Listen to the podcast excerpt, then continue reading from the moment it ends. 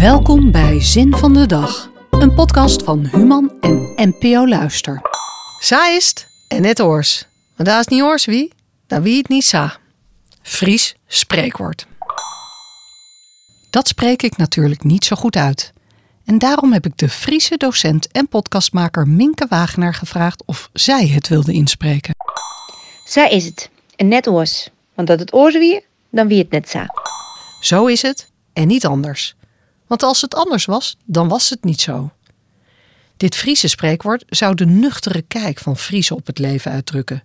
Je kan wel lopen dromen of praktiseren over dat het eigenlijk anders zou moeten gaan, maar dat brengt je niet veel verder. Van dit Friese spreekwoord bestaan vele varianten in diverse talen. Het is wat het is. Of het is zoals het is.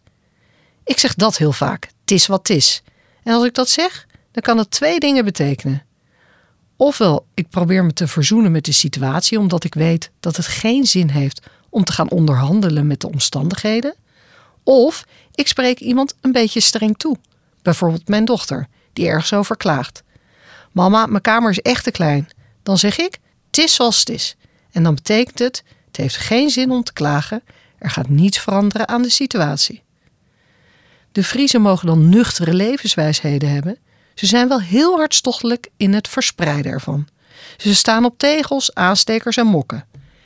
En ze hebben trouwens nog een variant op deze spreuk. Luister nog een keer naar Minke. Als het net kent, zat het mat. Dan mat het maar zat het ken. Als het niet kan zoals het moet, dan moet het maar zoals het kan. Heb jij ook een levenswijsheid die je met mij wilt delen? Stuur dan een bericht naar zinvandedag.human.nl